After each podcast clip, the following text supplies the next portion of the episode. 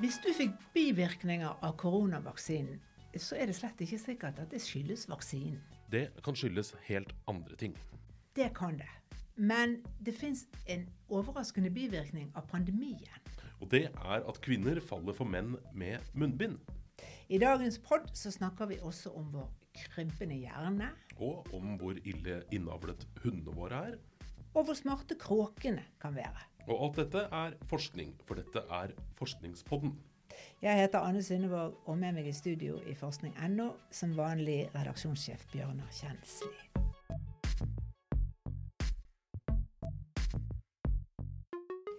Vi begynner med et fremmedord, Bjørnar. Nocebo. Ja, som ligner litt på placebo. Og det er ikke tilfeldig. Nocebo er en slags omvendt placebo. Placeboeffekten er at du blir bedre av en behandling som ikke har noen virkning. Du får en narremedisin og syns at den virker. Ja, og Nocebo-effekten det er egentlig det omvendte. At du får en negativ virkning, altså en bivirkning, av en behandling som ikke er en behandling, og som derfor ikke har noen virkning. Men du får likevel en bivirkning av f.eks. en lure- eller narrevaksine. Og nå er vi ved kjernen. For forskere ved Harvard Medical School har gjennomgått det som fins av forskning som er gjort på bivirkninger av narrevaksiner. Det fins faktisk ikke mindre enn tolv sånne studier med 45 000 deltakere til sammen. Ja, og når de analyserer resultatene fra disse studiene, så ser forskerne at selv om det er flere som får bivirkninger av en ekte vaksine enn det er av narrevaksine, det skulle jo bare mangle, for narrevaksinen den inneholder jo bare saltvann, men likevel så er det ganske mange som får bivirkninger av denne narrevaksinen også. Én av tre av de som tror at de får en ekte vaksine når de bare får en saltvannsoppløsning, rapporterer om bivirkninger som hodepine eller utmattelse. Og Forskerne forklarer dette med nocebo-effekten. De mener at en god del av de bivirkningene som vi opplever etter koronavaksinen, og da særlig hodepine og utmattelse, ikke skyldes selve vaksinen. De har faktisk regnet seg frem til at hele 75 av rapporterte bivirkninger etter første dosen skyldes nocebo-effekten, ikke vaksinen. 75% det høres voldsomt ut. Hvordan i all verden har forskerne kommet fram til det? En viktig årsak er at mange knytter tilfeldige symptomer til vaksinen. Det er jo mange som har hodepine ganske ofte òg. Eller føler seg trøtt. Enda oftere, kanskje. Og dersom dette skjer dagen etter at du fikk stikket, ja, så tenker du at det må skyldes vaksinen. Ja, selv om det altså egentlig ikke gjør det. Og dette er ikke noe nytt egentlig. Det har vært forsket en god del på nocebo-effekten før.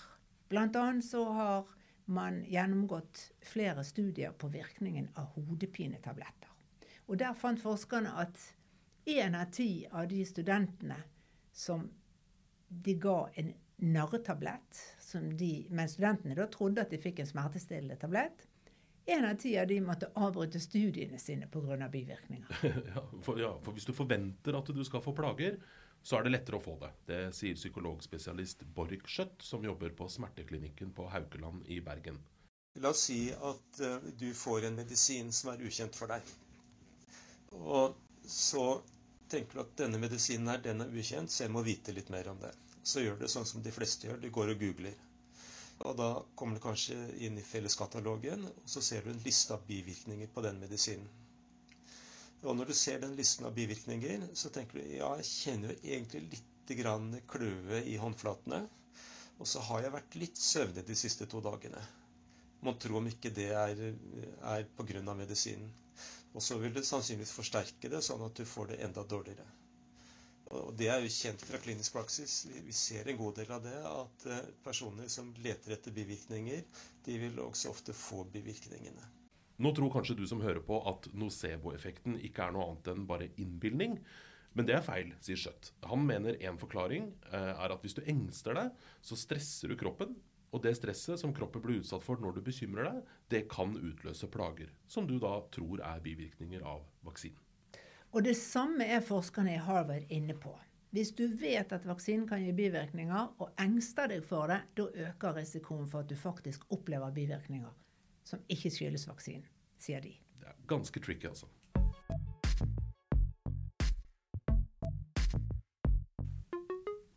Men nå er det helt andre bivirkninger vi skal snakke om. Nemlig seinskader etter gjennomgått koronasykdom.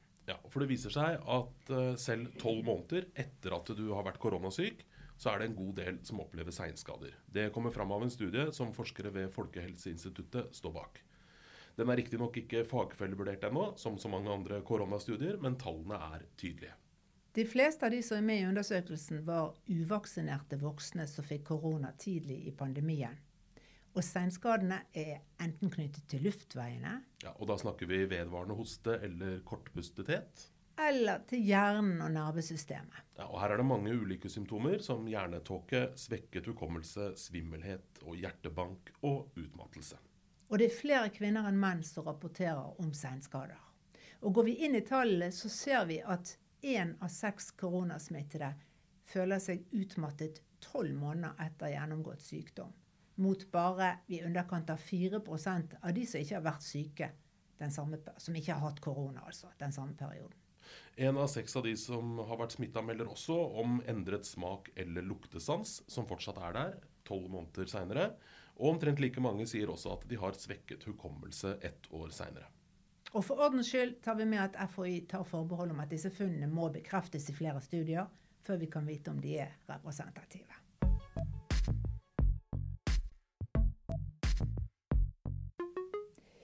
Men på forskning.no så leser jeg ikke bare om ting som gir grunn til engstelse og bekymring, Bjørnar. Jeg har også kommet over en koronanyhet som kan glede særlig menn. Ja, for kvinner de oppfatter nemlig oss menn som mer tiltrekkende når vi går med munnbind, enn når vi går uten. Merkelig. Ja, Det er merkelig, og det syns de britiske forskerne bak studien også. De hadde jo venta seg et slags mot, altså motsatt resultat. At det å gå med munnbind ikke akkurat virker forskjønnende, men det gjør visst det. Og det er ikke munnbind i fancy stoff og farger som gjør susen. Kvinner syns menn er penere når de skjuler seg bak de trauste, lyseblå engangsmunnbindene. Og mye tyder på at det er pandemien som har påvirket kvinnene sine preferanser. Ja, for Før pandemien så ble det også gjort forskning på dette. Eh, og Da syntes kvinner at munnbind gjorde menn mindre attraktive. Og En forklaring som ble lansert da, det var at munnbind ble forbundet med sykdom. Altså noe vi da helst skygger unna. Så en av psykologene bak denne siste studien han spekulerer i at menn som går med munnbind i pandemiens tid, signaliserer noe helt annet enn sykdom. Nemlig at han tar hensyn, og han utstråler trygghet. Og det liker jo kvinner. Ja, Men Anne, kan det være omvendt, da? At mange menn foretrekker kvinner med munnbind? Det kan jeg aldri tenke meg. Menn kan jo ikke se munnen vår når vi går med munnbind. Men vi kvinner kan iallfall spare inn litt på budsjettet på leppestift om dagen.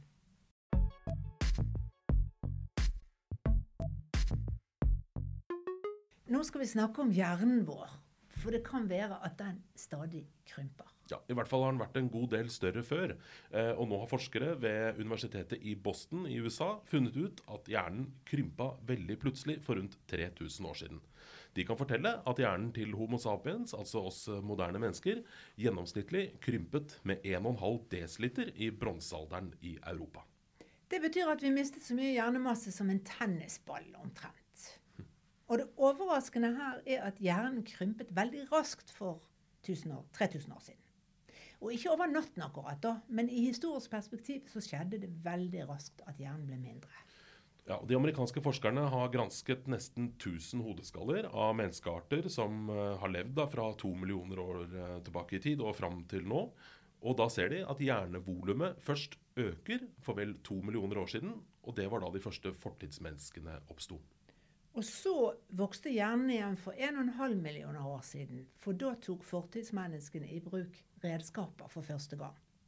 Og hjernen fortsatte å vokse den helt til for 3000 år siden. Ja, og Tidligere så har forskerne trodd at når hjernen krympet, så skjedde det i forbindelse med at vi begynte med jordbruk. Da gikk vi over fra å være jegere og samlere til å dyrke jorda vår som bønder. Og at det da hadde med kostholdet å gjøre. Da fikk vi oss mindre proteiner og mer plantekost. Men nei. Krympingen skjedde altså eh, flere tusen år seinere enn jordbruksrevolusjonen, viser denne nye studien. Og det er overraskende og uventet. Så forskerne i Boston tviler nå på at dette har med jordbruket og kosthold å gjøre. De tror heller at det handler om arbeidsdeling og deling av kunnskap. At vi fikk en mer kollektiv intelligens eller felles kunnskapsbase når vi begynte å smi redskaper og våpen av metall. Det ble større arbeidsdeling, mer effektiv matproduksjon og mer effektiv krigføring for den saks skyld. Bronsealderen var jo en revolusjon på alle måter. Og mer spesialisering og kunnskapsdeling er grunnen til at vi ikke trenger like stor hjerne som steinaldermennesket, mener de amerikanske forskerne.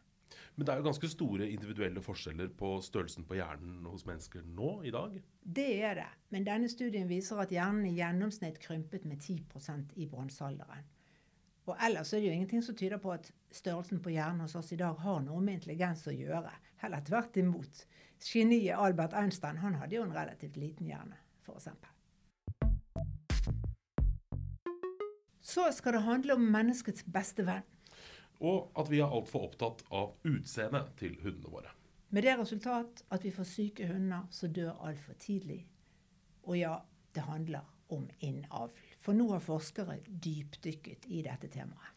En internasjonal forskningsgruppe ledet fra University of California har undersøkt 227 forskjellige hunderaser.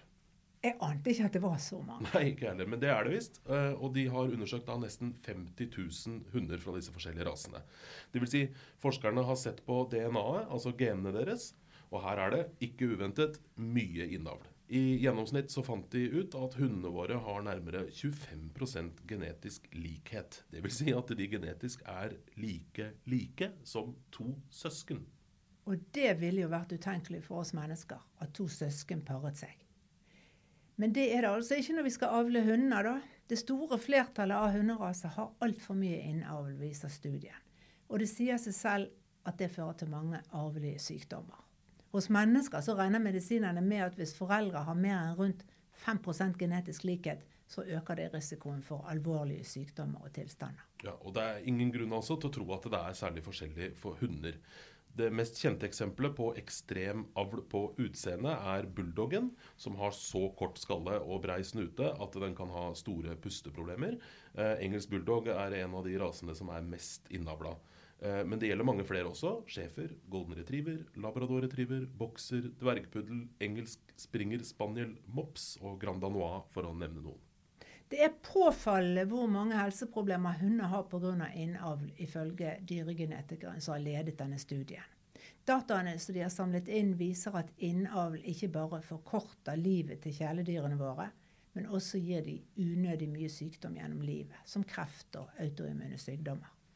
Og Grunnen til at noen raser er mer innavlet enn andre, mener forskerne, det er at de aller fleste hunderasene er avlet med utgangspunkt i en liten gruppe dyr. Og så har man selektert for spesielle trekk, som ofte da handler om utseende. Som korte bein hos dachsen f.eks. Eh, rynkete fjeset til mopsen eller flekkene til dalmatinerne. Og de aller fleste rasene er avla fram på bare 200 år. Studien bekrefter også tidligere funn som viser at små hunderaser har med noen unntak mindre innavl enn store hunder. Små hunder lever også vanligvis lenger enn store. Og forskerne fant noen få raser som er lite innavlet. Det gjelder bl.a. den dansk-svenske gårdshunden, som også er kjent for å ha god helse, og som blir stadig mer populær her i Norge. Den dansk-svenske gårdshunden stammer fra rundt 200 ulike dyr, som de da har avlet på, altså. Og det er mange sammenlignet med andre hunderaser. Dessuten er gårdshunden avlet mer på lynne og egenskaper enn på utseende. Og det er en ganske fin hund. Eh, professor i avl ved Norges miljø- og biovitenskapelige universitet, Odd Vangen, mener det er en uting å avle på utseende. Uh, han sier til forskning.no at avlen på noen hunderaser er så ekstrem, uh, og at lidelsene dette påfører dyra er så store, at han kaller det for dyreplageri. Rett og slett. Det er kommet så langt at man burde stoppe helt å avle på hunderaser som mops og britisk bulldog, mener han. Vangen har jobbet med avlsarbeid på storfe og på gris i 50 år. Og han mener vi bør stille samme etiske krav til hundeoppdretterne som vi gjør til de som avler frem dyr til landbruket. Forskerne bak den studien som vi har snakka om nå, de har ikke noe quick fix på dette problemet, men dersom vi blander hunderaser mer, så er det i hvert fall én vei å gå for å skape mer genetisk variasjon. Og friskere firbeinte venner.